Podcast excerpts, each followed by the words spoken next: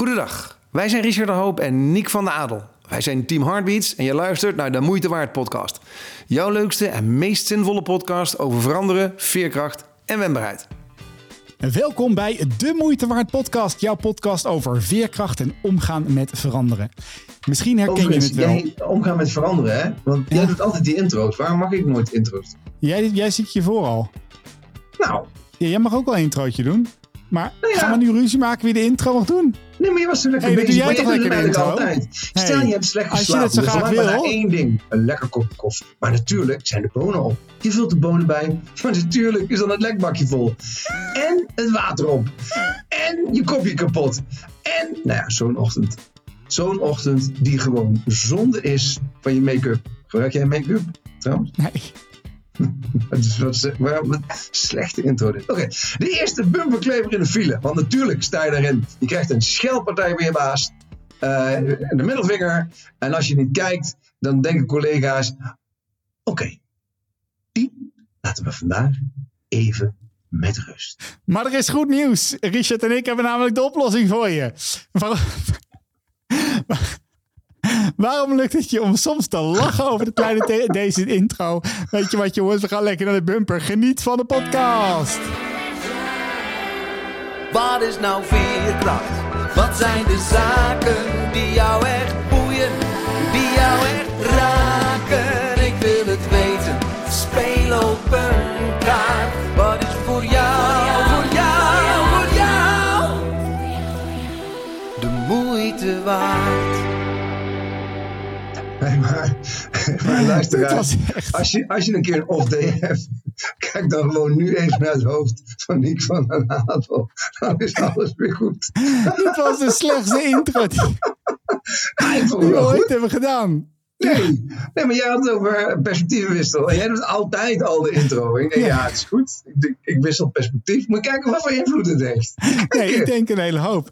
Maar als je nu aan het luisteren bent en je hebt geen flauw idee waar de podcast over gaat, dan ligt het dus aan Richard.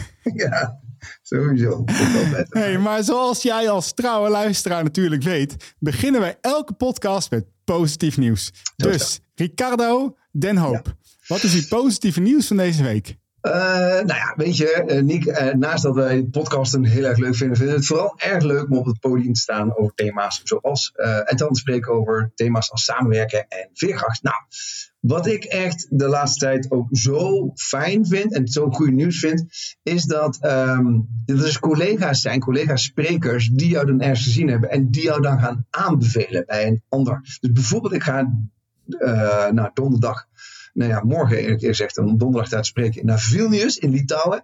En dat kon door een tip van Jitske Kramer. Ja, ik vind dat zo ongelooflijk leuk. Eh, en ook omgekeerd. Als je af en toe op een podium staat en dan vragen mensen naar die. Goh, weet je nog leuke sprekers voor de toekomst? En dan kan ik mensen aanbevelen. Er is eigenlijk niks zo leuk als eh anderen aanbevelen. Dus ik ben de afgelopen tijd eh, vaak aanbevolen door collega's, waarvan nu allemaal hartstikke bedankt. En dat vind ik zo goed nieuws. Van gewoon geef zonder iets terug te verwachten. Ehm, en, en, kijk wat voor enorme positieve energie dat eh, geeft. Nou, dat is mijn goede nieuws. Die vind ik wel, die vind ik wel mooi. Dus geven Ja. zonder iets terug te verwachten. Want Ja. als je dan weer, eh, weet ik veel, geld van elkaar wil hebben. Of dan Ja. is het gelijk. eh, nou, ik weet nog dat eh, ene N van den Adel eh, Mhm. jou ergens had aanbevolen dit jaar. En eh, op een hele mooie klus. En, en Mhm. Ja. toen, toen, en wij doen nooit aan elkaar geld daarvoor geven. Maar toen heb je de aller, aller, allermooiste schoenen die ik ooit had gezien van mij gekocht. en nu zaten we dus, lieve dames en heren, afgelopen week training te geven. Hadden we allebei dezelfde schoenen aan. Zeer gênant. Dat is echt een. Kokkie. Of heel leuk. Nou ja, weet je, ik heb, ik heb, dat vind ik dan wel leuk om dan. eh, en dat is dan denk ik vaak ook wel goed nieuws. Als je dan gewoon even een tijdje naar iemand luistert, dan krijg je vaak ook wel meteen. Ik ben, ik ben, ik ben eigenlijk helemaal niet zo attent. Als je mijn Jacqueline neemt. Dat klopt. Nee, mijn, klopt. eh, vrouw nee, zou vragen: van, is er iets Nee, dat- attent? klopt. Nee. Nee, dat klopt. Ja. Maar eh, ik, ik, ik word er beter in. Dus eh Jitske is aan het vertellen. Want die, is, is een, eh, die heeft afgelopen half jaar niet zoveel opgetreden. Want die is bezig met een nieuw boek. Jazeker. En ik ga geen spoiler alert doen, man, maar het is echt fantastisch. En toen eh, ze was aan het vertellen waar het over ging. Zei, oh, dan moet je dat boek lezen. En dat had ze nog niet gelezen. Dus dat boek dat ligt, denk ik, vanavond bij haar in de bus. Ja, dat vind ik ook. Met, Heel goed, heel goed. Ja, leuk, leuk. Nou, dus zo. Nice. Wat is jouw goede nieuws? Wat is mijn goede nieuws? Nou, zoals de luisteraar weet, ging ik naar Engeland fietsen om uh, duizend boompjes te planten voor Trees for All. Oftewel 612 kilometer met de handbike. En dat heb ik gered. Dat was het eerste goede nieuws Ja, van vandaag. Ja. Maar het was voor mij wel, als je, nou ook wel als je het over dit thema hebt, veranderen van perspectief. Het is dus zes dagen, meer dan 100 kilometer per dag op de fiets, mezelf uitdagen. Maar daarmee plaats ik mezelf in een heel oncomfortabel eh, perspectief. Eh, oftewel in een situatie waar ik nog nooit ben geweest. En een situatie die ik niet ken. En een situatie die ik spannend vind. En als ik dus leer, en dat heb ik geleerd, om me daar te redden. Eh, Oftewel dat het daar ook lukt met eh, nou, letterlijk op en af de fiets komen, in onbekende situaties komen, naar het toilet gaan ergens waar ik niet ben geweest. Nou, ga maar verder. Dan eh, geeft me dat heel veel vertrouwen in het dagdagelijkse normale leven. En, Ja. en toen, en dus, dus daar heb ik serieus heel veel kracht en, ehm, en eh, vertrouwen wel weer uitgehaald. Door letterlijk mezelf langer in een ander perspectief te plaatsen. En die, die duizend boompjes, daar waren er geen duizend, hè? Er werden er gewoon 1300. Dus daar ben ik Echt, fucking hè? trots op ook nog eens een keertje. Ja, Ja, terecht. Dus dat was heel cool. En, Ja. ehm, Maar je nou, ging toch niet alleen voor die bomen, je ging toch ook voor eh, Mr. Anthony? Eh, mister, ja, nou, ik ging naar Birmingham voor Tony Robbins. Om inderdaad eh, eerst tien uur per dag, zes dagen alleen op de fiets zitten. En dan aan te komen in een hotel met 12.000 andere gekkies die vier dagen lang met elkaar gingen high-fiven en knuffelen. Ja. het was echt een enorme mindfuck als je het hebt over het veranderen van perspectief trouwens. Maar Ja. het was beide echt, echt ja, fantastisch. Ik heb er weer zoveel, en de, ja goed, zoveel aan geleerd. Aan Ja, beide dus- kanten. Dus uiteindelijk, als ik, hè, dus als ik nou goed naar jou luister, gaat het dus om, ga af en toe naar een toilet wat je niet kent. Zeker. Ja, En ga daar poepen. Dan, dan Ja, ah, ja, ja, is- perspectief. Ik vind het eh, inzicht, ja. Nee, ja, ja, ja. Nee, die van jou was lekker. Wat een slecht Dat is- voorbeeld, jongen. Niet te doen. Ik doe zo mijn best. Maar wel, nee, ja. En ik las je berichten en ook eh, de, de, nou, de onverwachte situatie dat het ding dus kapot Ja, gaat. was en, en dan ja. zit je daar en dan eh, regel het maar. En dat je dan mensen hebt die zeggen, ah, I'm gonna help you. En dan helpen ze je en dan heb je toch de indruk, ik wil je wel betalen. En, en wat zijn die kerel toen? Nee, eh, absolutely not. Nee, dat wilde hij echt niet. Want Ja, hij had, dit was echt zijn manier om de dag goed te maken. Voor, voor zijn eigen. Dit was, dat was helemaal fantastisch. Ja, was niet, eh, niet in sprake om Hmm. hem daarvoor te betalen. Ehm, dus, ehm, maar daarover meer, daarvoor komen allemaal Oh ja. video's en dingen nog ja. online. Vandaag gaan we het met jou hebben over het veranderen van je perspectief en hoe je Ja. dat dus veerkrachtiger maakt. En. Richard en ik zijn daar eens ingedoken, want nou ja, eh, eh, persoonlijk heb ik er, heb ik er wel een hoop mee. Maar ehm, Richard, ik heb een vraagje aan je. Ja. Voel jij je verantwoordelijk voor de dingen die je overkomen? Of ben je sneller geneigd de schuld bij anderen te noemen? Oftewel, het ligt eh, veel meer aan de buitenwereld. Nou, deze vraag is bijvoorbeeld echt door jou gesteld, dus daar kan ik niks aan doen. Dus ik kan daar voor de rest geen verantwoordelijkheid voor voelen. Goed punt. Nee, ja, ja nou, nee. Kijk, als, jij, als ik in het verkeer rijd en word afgesneden, dan, dan, dan heb ik wel eens de indruk van, nou ja, even middelvingers en, en lelijke woorden zeggen. Eh, maar bijvoorbeeld, eh, ehm, dat was een, was een heel leuk artikeltje, dat ging over een, ehm, eh, een les, lesinstructeur, autorijlesinstructeur. En die zei, ja, in het verkeer gebeuren zo ongelooflijk veel dingen. En in het verkeer doen we allemaal wel eens een keer iets stoms. Hè? Waar- Waarbij je, je snijdt of iemand inderdaad af omdat je haast hebt, of dat je het echt niet gezien hebt. Ehm, en hij zei, eigenlijk moeten we allemaal in het verkeer leren dansen. Nou, jij bent ook een, een, een danser eh, eh, nog steeds. En je weet dus, met dansen is het gewoon echt... Ja, wat, wat doe je vooral met dansen? Dat is een vraag. eh, Dalen. nee, ja, ja, bewegen, eh, losgaan, mijn Ja. armen een beetje gebruiken, zodat. Ja, maar toch ook vooral meevoelen met de ander. Ah, zo, ja, ja, ja, ja, zeker weten. Ja, Ja, dus, dus als man, jij een, een ingestudeerde move hebt van, met een partner, dan duw je hem of haar die kant op. Maar ja, heel vaak is het gewoon voelen. En, dan, nou, en dat vond ik wel mooi. Dus ik ga ook steeds meer dansen in het verkeer. Dus als er dan iets gebeurt, denk ik, oh, dat was een beweging, laat ik meebewegen. In plaats van dat ik denk, ja, ik heb het een keer geprobeerd met mijn motorfiets. Ja, slecht idee. ja, Ja, goed ja. weet. Nou, de reden nee, dat maar goed, het, is wel zoals hij dat zegt. Dus als je denkt, ik ga dansen in het verkeer. Nee, mooi. En ik, ik moet je eerlijk zeggen, dat de eerste tien keer lukt dat helemaal niet. Want dan ben je al boos. En dan denk ik, oh ja, wacht, dansen. Eh, want dat is denk ik ook hè, tussentijds tussending. Ehm dan moet ik op een knopje duwen, dan kan ik Oh, niet vinden. Maar dat duurt heel lang. knopje. Komt hoor. Hij is een duur. Dit is het. Dit is het tip. Kijk, wil je zo'n shift in verandering doen, of, of in, in, in, uh, van perspectief, dat lukt je meestal niet zomaar in één keer. Niet één, woep, ik, ik heb een andere blik. Dus gun jezelf daar ook de tijd. Ben dan niet te boos. Hè? Dus op het moment dat je die dingen gebeuren en uh, je hebt nog niet onmiddellijk die mindset pakken die je helpt, geef je, cut yourself some slack. De, geef daar een beetje geduld. En um, vooral als je dat doet, dan komt hij steeds automatischer naar boven. Dus ik, ik kan nu steeds makkelijker dansen in het verkeer. Dat is mooi. Mooi, ja. mooi, mooi. Hey, en en uh, de, de, reden dat ik het net wel vroeg, ook nog eens een keertje, is dat, kijk, perspectief is hoe jij, hoe jij naar jezelf, dan wel hoe je naar die buitenwereld kijkt. Mm -hmm. En dat heeft heel veel te maken met hoe je dus ook ervaart wat er gebeurt. Dus uh, uh, en ze noemen dat wel heel erg, ook wat, wat daar veel mee te maken heeft. Daarom vroeg je net die vraag. Dus voel jij je verantwoordelijk voor nou ja, alle successen en alle minder goede dingen die er gebeuren? Ligt dat aan jou of ligt het aan de buitenwereld? Ze noemen dat een interne of externe locus of control. Locus, ja, en, en die is echt, die heeft heel, ik, ik vind hem heel belangrijk omdat die voor mij altijd wel veel meespeelt. Dus mensen met een interne locus of control, die voelen zich uh, verantwoordelijk voor hun eigen succes en mislukkelingen. Is er sprake mm -hmm. van een externe locus of control, dan leggen we die verantwoordelijkheid bij anderen en geloven we veel meer bijvoorbeeld in toeval en lot. Nou, okay, geen goed wat, en slecht. Wat, wat, is jou, wat is jouw uh, locus dan? Ja, ik heb hem heel erg intern. Dus mm. uh, ja, en, en. Dat dacht ik al, en daar ja. ik ook, of niet? Ja, nou, nee, ik, ik, nou, ik probeer ook steeds vaker ook maar gewoon eens in toeval en, en, en lot te geloven. Want het is niet zozeer dat mensen met een interne locus of control veel krachtiger zijn dan mensen met een externe. Het gaat erom dat je een juiste balans. Maar, maar en jij? Ja, ik heb, ik heb ook de neiging om um, uh, ja, heel erg op een interne locus of control. Maar daar wil ik dadelijk ook nog wel even iets over zeggen later ja. hoor. Ja. Um, uh, ja. Um, en die externe locus of control.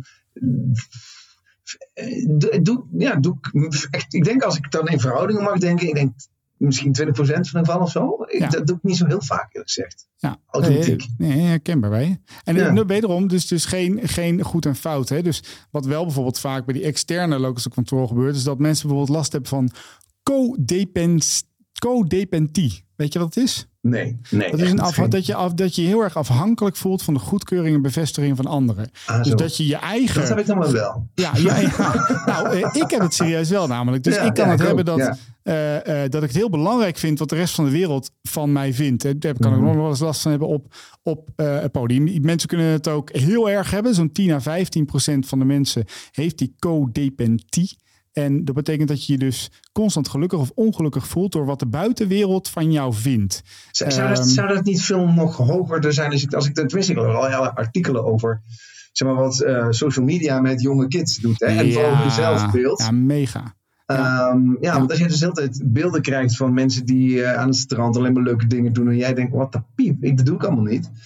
Uh, want daarmee voed je dat gevoel toch ook, of niet? Ja, 100%. Ik denk ook wel dat het steeds uh, erger wordt, zeker met social media. Ja, nou, ja, ik, als ik naar jouw post kijk, dan denk ik ook ja. altijd, ik maak dat nooit mee wat jij allemaal doet. Ja, nee, maar dat klopt. Dat hebben de meeste, dat hebben de meeste mensen, Richard. Hey, nou, en het interessante is, die interne of externe locus control, die wordt dus belangrijk op het moment dat je onder stress komt te staan of dat je iets meemaakt wat, uh, uh, wat, wat, wat niet fijn is. Mm. En wat het leuke is, als je er dus achter komt hoe je zelf reageert op de buitenwereld, kan je dat ook je, je antwoord geven. Nou, ga ik allemaal nog niet uh, de oplossingen geven. Het interessante is om het bij jezelf eens na te gaan. Dus ben ik, voel ik mezelf verantwoordelijk voor hetgeen wat me overkomt? Of is dat iets wat toeval, lot bepaalt? Ja. Wat wil ja. jij nog zeggen over die? Jij wilde nog iets zeggen over die interne. Ja, nou ja, sowieso denk ik wel. Het, het, het wisselen van perspectief. Kijk, um, we hebben het er ook in deze podcast wel vaker over gehad. Ik spreek dus over dat samenwerken. Daarbij gebruik ik die verschillende teamrollen van Belben, hè, die ik dan vergelijk met muziekinstrumenten.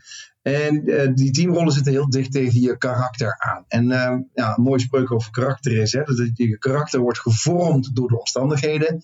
Maar het is vooral datgene wat je laat zien, ondanks de omstandigheden.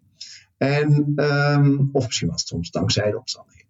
Maar wat ik daarbij wel uh, uh, een dingetje vind, is dat wij zijn natuurlijk allemaal, we hebben allemaal wat andere bedrading. En um, wij zijn twee van die blije eieren, die redelijk eenvoudig, zeg maar, zo'n shift ook maken. En redelijk eenvoudig ook denken van, goh, nou, dat moet ik de volgende keer anders doen. En niet zozeer dat de buitenwereld daar nou allemaal zo tegen zit. Um, Maar ik ken ook echt mensen die serieus uh, uh, lang ook over dingen piekeren en, en uh, analyseren. Daar kunnen ze niks doen, doen ze altijd. Net zoals wij van die blije ei zijn. Zij zijn gewoon mooie denkers. En die hebben ook keihard nodig. dus ik denk dat je ook een beetje rekening moet houden met het feit van hoe je bedrading is. En je hebt mensen die dingen voelen, die dus heel hoogsensitief of heel gevoelig zijn voor dingen. Um, en je hebt mensen die juist ook alles willen rationaliseren en willen begrijpen en snappen en uitzoeken. Um, dan heb je die blije eieren, zoals wij, die uh, nou ja, redelijk makkelijk van het een naar het andere stuiteren. Dus, nou, dat is ook even een vraag aan jou. Laat jij dingen ook. Laat je dingen makkelijk los? Dingen en mensen, laat je die ook makkelijk los? Ja, ik laat ze ja, erg makkelijk los. Ja, dat heb ja. ik dus ook. Ja, maar ook, ook mensen dus inderdaad. Ja. ja Niet ja. alleen dingen, maar ook mensen. Ja. En dat vind ik dan dus ook helemaal oké. Okay. Ja. ja. Ja, maar dat, ik denk dat er nu dus een aantal mensen heel raar vinden. Van ja, maar wacht, familie is toch familie, dat is heel belangrijk. Ja, ik, ik heb dat dus niet zo. Ik heb, dat, ja, ik heb een relatie met mensen die ik opbouw. En dan vind ik dat heel belangrijk. Dan laat ik ze niet zomaar vallen. Daar even, even voor helderheid. Maar komt er geen voeding meer in zo'n relatie, dan kan ik, ja, ik dat helemaal niet erg. Ja. Is dat zo, toch? Nee, en dan is het dus ook oké dat ik dus in mijn leven ja, sommige relaties heb die dus starten en oké eindigen. En dan komt er weer iets nieuws voor in de plaats. Ja, ja. maar het is wel ook iets westers, hè, Nick? Dus, dus wij zijn een in, in een cultuur waarin je zelf mag zijn, waarin je het beste uit jezelf mag halen. Maar ja, er zijn natuurlijk ook culturen die net zo mooi zijn als die van Nederland, maar die heel anders in elkaar steken. Waarin dat gemeenschapsdenken veel meer zit. En waarin dus automatisch bijvoorbeeld die externe logische controle ook veel meer gevoed wordt. Dat is misschien ook een tussentijds tussentip. Dit is een tussentijds tussentip. Kijk ook naar de omgeving waarin je zit. De vriendengroep, de familie, de organisatie voor je werkt. Wat willen zij eigenlijk? Willen zij dat jij je persoonlijk verantwoordelijk voelt? Of, vind je dat, of vinden zij dat je verantwoordelijk moet afleggen? Want dat bepaalt natuurlijk ook voor een belangrijk deel of je makkelijker of moeilijker eh, van perspectief durft en kunt wisselen. Zeker weten. En, en daar even de, de persoonlijke noot. En ik vind dat dus nog best wel eens lastig dat ik vaak een ander perspectief heb dan de meeste mensen om me heen. En dat kan ik mhm. niet alleen hebben op een verjaardag, maar dat kan ik ook hebben in een zaal. En dat kan ik ook hebben. Uh, daar heeft er gewoon simpelweg mee te maken dat mijn perspectief is dat van de, nou pak een beetje twintig mensen waarmee ik in het revalidatiecentrum lag, uh, er nu nog elf leven. Mijn perspectief is dat ik uh, de afgelopen week echt vier dagen K heb geslapen. En alles uit mijn onderste moet halen om überhaupt maar wakker te worden s ochtends mm aan de mhm. dag te beginnen. Mijn perspectief is dat mijn toekomstperspectief er vaak uh, lichamelijk wat anders uitziet dan nou, eh, die van jou. Uh, of dan van een valide persoon. En doordat ik in die wereld leef, in dat perspectief leef, uh, vind ik het af en toe ook heel lastig om aan te sluiten van de rest van de wereld die zich bijvoorbeeld druk maakt hier. Of het gras wel op de juiste hoogte is gemaaid. Het is letterlijk, mhm. de buurtapp is namelijk ontploft. Uh, Of als ik een, uh, een bedrijf binnenkom waar we heel veel last hebben van werkdruk. Of ja. nou, ga maar verder. En Ehm, ergens ben ik dus enorm dankbaar dat ik het perspectief heb. Want het geeft me enorm veel kracht om heel fijn in het leven te staan. Want daardoor hoef ik me niet druk te maken over al die andere dingen. Omdat mijn perspectief in mijn hoofd, letterlijk hoe ik naar buiten kijk. Maar daar heb ik dus ook heel vaak een mismatch in, in een gesprek. En denk ik, hè? Maar, oh, daar kan je ook druk over maken. Of, hè? Het is gewoon nog niet bij mij naar binnen gekomen vandaag. Nee. Ik zie het niet, ik voel het ook niet. Dus ik gun mensen af en toe wel eens dat perspectief. Want dat maakt je ook gewoon fucking veerkrachtig. Mm als je, want daardoor kan ik de grote dingen in het leven veel beter aan. Alleen ja, mhm. de rest van de wereld leeft daar niet altijd in. Herken je dat niet? Ja, nee, nee, zeker. 100%. 100%. Maar dat heeft denk ik inderdaad te maken met onder andere je karakter, waar je ja, bent opgegroeid, de, de, omgeving. Die, die mix is denk ik wel belangrijk. Kijk, als jij altijd maar te horen hebt gekregen in je, uh, in je gezin dat je... Ehm, uh, alles uit jezelf moet dat je de beste moet zijn. Nou, laatst, weet je, een, een, een, um, nou, mensen die ik goed ken, een, uh, een, aantal kinderen hebben ze allemaal schatten, maar de jongste heeft, heeft, heeft een, zeg maar, qua opleiding iets mindere opleiding dan die andere twee. En um, die jongste heeft dus in haar hoofd gehaald dat zij dus vindt dat ze dus ook zo'n hoge opleiding moet ah, hebben. Omdat ze anders papa en mama. Eh, terwijl die ouders dat nooit. Zo zitten ze ook helemaal niet in elkaar. Maar wij bedenken ons dus ook dingen. Jeetje, Mina. Waardoor je, en als je dus met haar praat, dan langzaam maar zeker beginnen dingen. Hè, dan wil ze dat wel inzien. Maar die heeft inmiddels zo'n overtuiging dat, dat ik dus ook zo'n hoge opleiding als mijn broertjes en zusjes moet halen. En ik, denk, Ja. ik denk zeker dat er nu een aantal luisteraars dit gaan herkennen.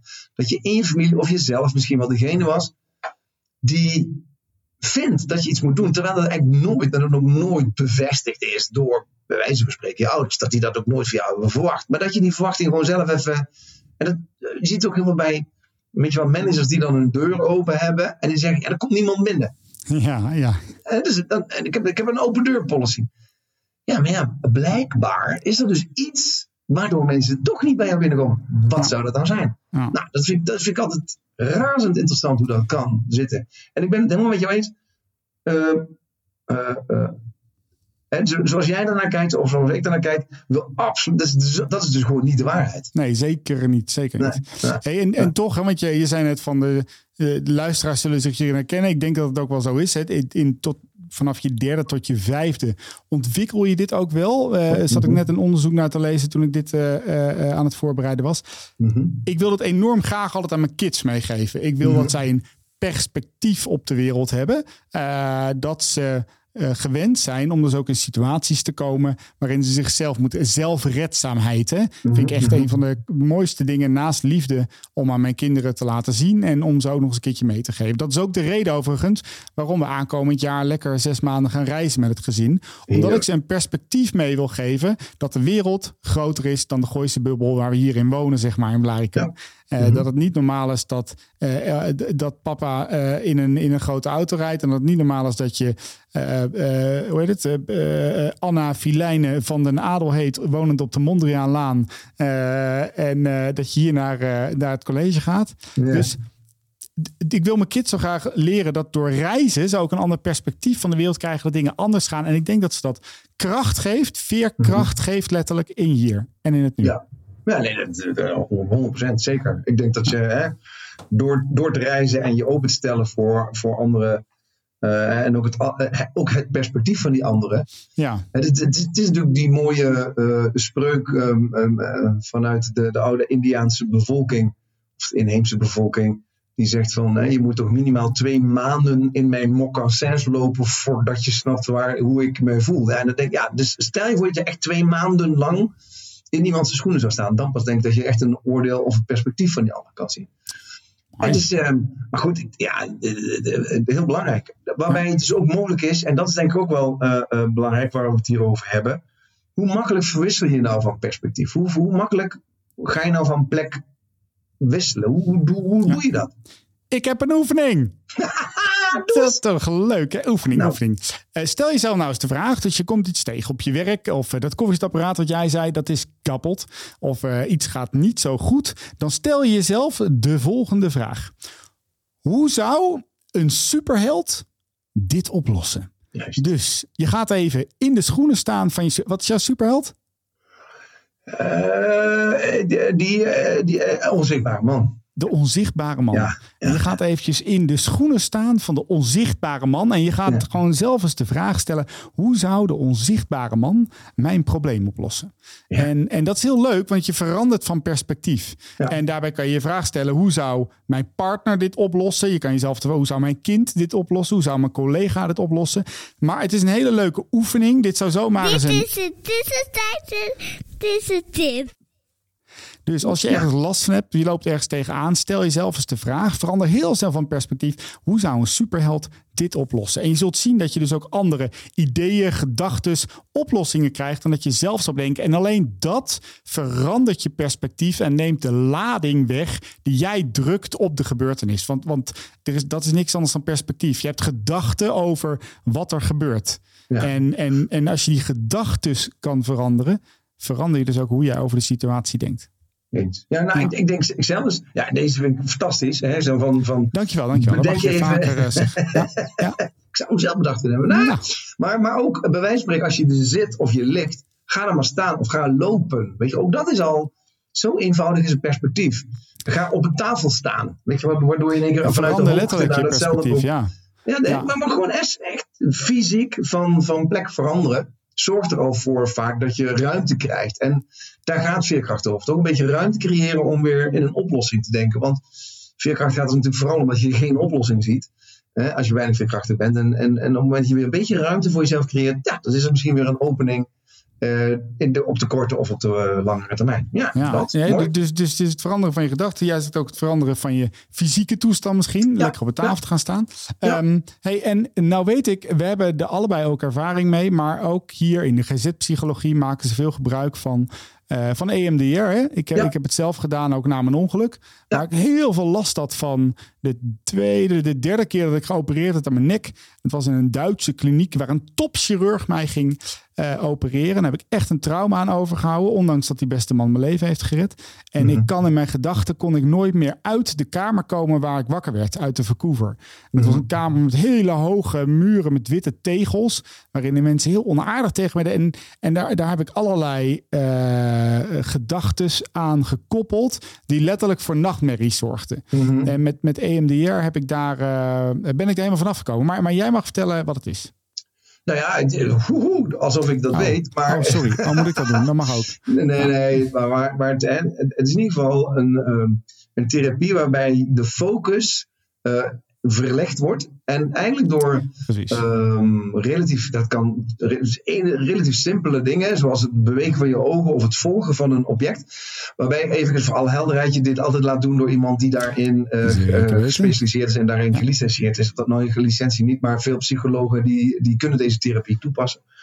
Ehm, maar feitelijk gaat hij een beetje eh, ook met een, met een perspectiefwissel in jouw hoofd aan de slag.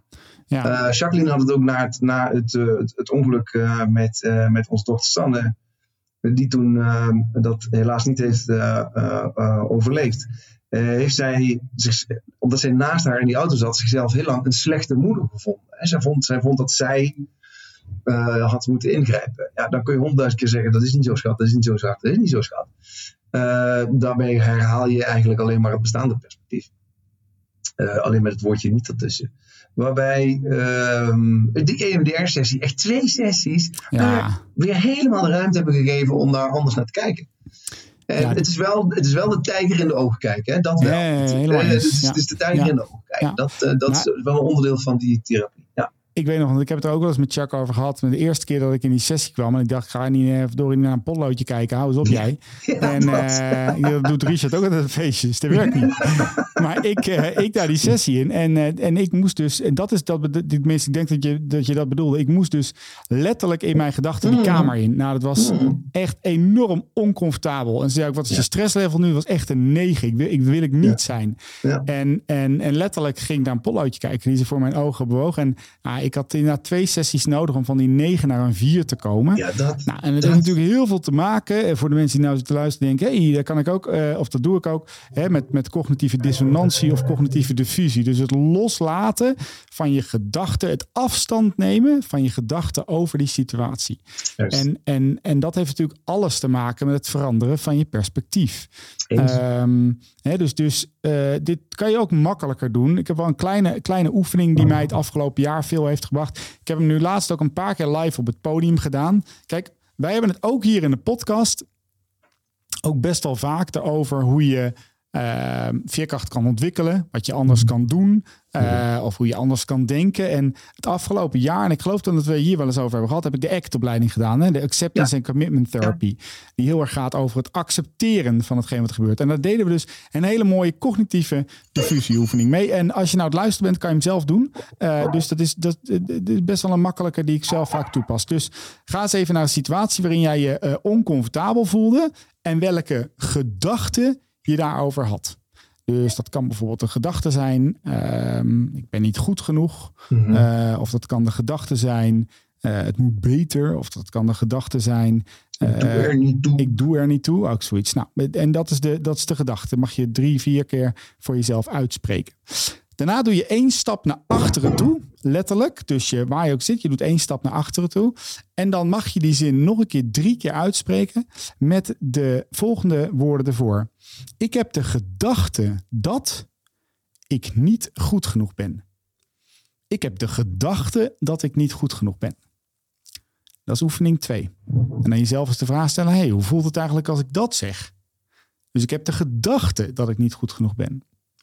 Dan gaan we naar de derde toe. En je mag hier een paar minuten voor pakken hoor. En dan ga je naar achteren toe. En dan komt de derde zin. En daar zeg je nog iets meer voor.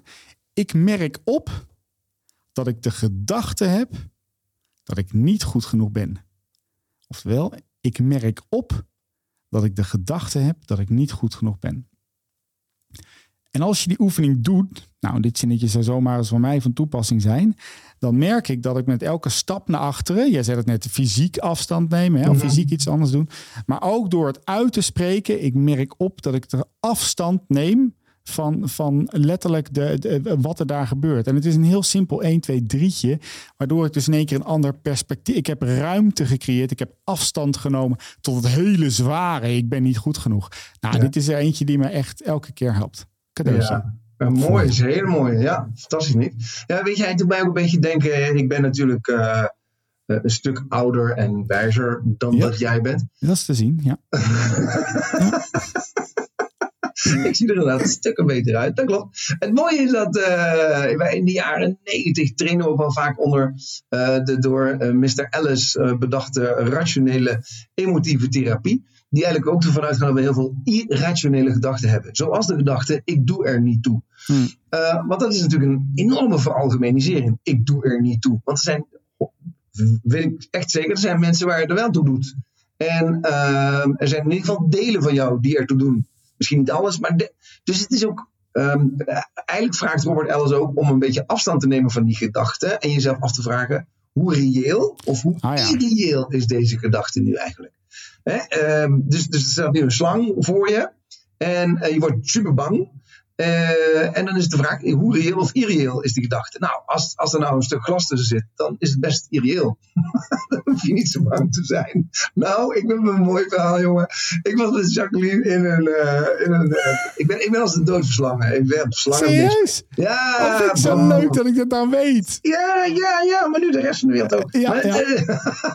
maar goed, wij sto- wij stonden in een of andere dierentuin. En daar waren boa's, enorme boa's. Nou, meestal liggen die beesten gewoon in een kronkel, doen helemaal niks. Maar deze die kroop dus eh, vanuit zijn aquarium. En dat was een enorme aquarium. kwam die echt zo recht naar mij toe. Nou, ik, maar ik was wel gebiologeerd. Dus het zijn ook prachtige dieren. Dus dat beest, die kop komt zo richting dat glas. Maar die gaat, maakt vervolgens een buiging op dat glas. Dus die klimt helemaal omhoog. Dus ik zit echt zo tegen die buik. Ja, die enorme. Ja, en hoe, hoe prachtig ze dat doen. Maar ik kon dus op de deur, want ja, dat aquarium, de zicht van het aquarium viel op. Dus ik stond met mijn neus eigenlijk tegen dat aquarium gedrukt. En in één keer voel ik achter op mijn kop. Nee, nee, nee. Maar dat was Jacqueline. Die zat daar net te zien. En die pakt mij zo vast. En ik gil en ik schreeuw en ik doe helemaal niks aan de hand. En ze, nou, dat is nou een irrationele gedachte. Oh, ik dacht, het is echt een vreed man. Maar, man. maar, maar, maar, maar goed. Nou, dat dus. Ja, dat is. dus. Is, is, is irrationeel of is iets rationeel? Rationele emotieve therapie van Mr. Ellis. Ja. Mooi, mooi hoor. We hebben er best wel wat gehad al. Ja, en, ook. ehm, we hebben, we hebben eh, tussentijds tussentips gehad. We hebben het over Ja. gehad. Hoe ontwikkel je het nou? Wat is eigenlijk perspectief? Hè? Dus, dus hoe we Ja. naar buiten kijken. Interne, externe locus of control hebben we gehad. Ehm, moet ik dan mijn lichaam veranderen? Maar ik, ik geloof dat we er voor een groot gedeelte ook wel op kwamen. Hè? Eh, om, ehm, eh, om je gedachten te veranderen. En wat natuurlijk wel gebeurde. Je vroeg in het begin heel even naar mijn eh, eh, grote vriend Tony Robbins. Mhm. Ehm, en ehm, wat daar heel veel gebeurt. En ik heb dat maar, ik weet niet of het woordje eh, bestaat. Maar ik heb dat shape-shifting genoemd. Oftewel, dat is heel snel het veranderen van je, van je shape. Van je, van je letterlijk van je fysieke toestand. Mhm. En ehm, eh, wat ik merk dat op momenten dat ik het eventjes niet trek of niet lekker loopt. Dat als ik letterlijk mijn fysieke toestand verander. Ja. ik ook direct anders naar de wereld kijk. En, eh, en sommige mensen kennen dat wel 15 seconden in Superman staan of zo. Maar dat kan ook even dat je trots gaat staan. Of dat kan ook even dat je een totaal andere beweging aanneemt. En je zult ook zien dat je totaal anders naar de werkelijkheid kijkt. Dus nou, deze podcast zit echt vol met tips. Ja, maar ook hè, je favoriete muziek. Weet je wel, je Oh, ja. favoriete muziek waar je meer wap. Eh het zijn je oren, je neus. Dat zijn, zijn eh, organen die heel snel een verbinding maken. Ruiken aan iets wat super lekker ruikt. Nou, dat soort dingen. En dus zoveel mogelijk van je zintuigen ook inschakelen om eh, je perspectief te switchen. Maar ik denk, eh Nick, al zo langzaam maar zeker naar de afrondend gaan. Hier zit natuurlijk ook een enorm eh, gradatieverschil in. Hè? Dus tussen, uh, hoe, hoe goed je in staat kan zijn of hoe zwaar het probleem waarmee je geconfronteerd wordt is. Het, we hebben een aantal hele lichte oefeningen van nou, ga maar staan, ga maar andere fysiek aannemen naar de wat meer, uh, ook in de, in de uh, absoluut medische hoek. Hè, dan zit je aan de EMDR, dan zit je aan de RIT. Maar het, het belangrijkste nu is, er zijn dus allerlei methodieken en therapieën om van perspectief te wisselen. Want het gaat erom een beetje ruimte te krijgen. Heb je ruimte, kan je weer nieuwe, krijg je daadwerkelijk een andere zicht, een ander perspectief. Heer, heer. Um, vond je het een leuke podcast? Met ik team... Ah, ja, ah, ja, vond ik ook natuurlijk. Ja, nee, nu wil ik dus de outro beginnen, Richard. Oh, sorry. Oh, die intro en die outro, wij moeten echt beter op elkaar gaan oefenen. Hey, met Team Heartbeats doen we namelijk nog veel meer dan alleen podcast opnemen. We maken mensen weer krachtig en organisaties wendbaar, zodat ze van waarde blijven op een aarde die het waard is om op te leven. Op onze website www.teamheartbeats.nl vind je inspiratie, oefeningen, trainingen en coachingen die jou gaan helpen om nog weer tussen haakjes krachtiger in het leven te gaan staan. Kijk maar eens uh, op de website en we hopen je heel snel weer te zien. Ari Varecci. Tot ziens, later. Wat is voor jou, voor jou, voor jou de moeite waard?